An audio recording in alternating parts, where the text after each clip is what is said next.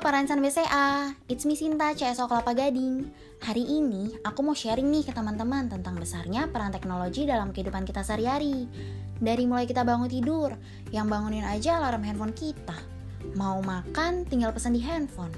Mau kerja, pesan ojek online aja. Mau transaksi perbankan apa pun, BCA punya semua solusinya. Karena saat ini teman-teman, bukan hanya industri perbankan aja yang bisa menuju era digital, tapi segala hal bisa dikembangkan dengan adanya perkembangan teknologi. Nah, salah satunya nih teman-teman, perpustakaan digital yang dibuat oleh Bank BCA dengan Kompas Gramedia. Perpustakaan digital ini namanya Blims. Keren banget kan teman-teman?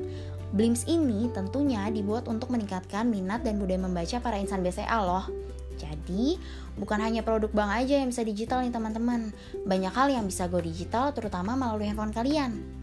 Saat ini, para insan BCA bisa menikmati layanan perpustakaan digital dengan terlebih dahulu mengunduh aplikasi Blims di Play Store kalian masing-masing ya.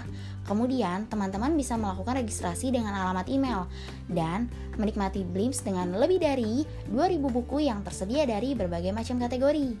Nah, untuk langkah-langkahnya mudah banget kan teman-teman? Yang pertama, pastinya download Blims di App Store atau Google Play Store kalian. Kemudian, login menggunakan email yang terdaftar dengan password blims123.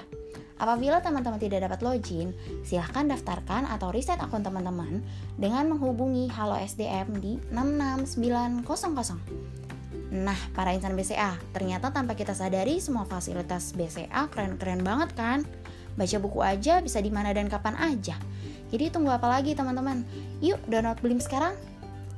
Oke, teman-teman, jangan lupa untuk terus mendengarkan podcastku selanjutnya ya. Akhir kata Sinta pamit, terima kasih banyak. Pastikan kita selalu sehat, semangat, dan tentunya tetap engage.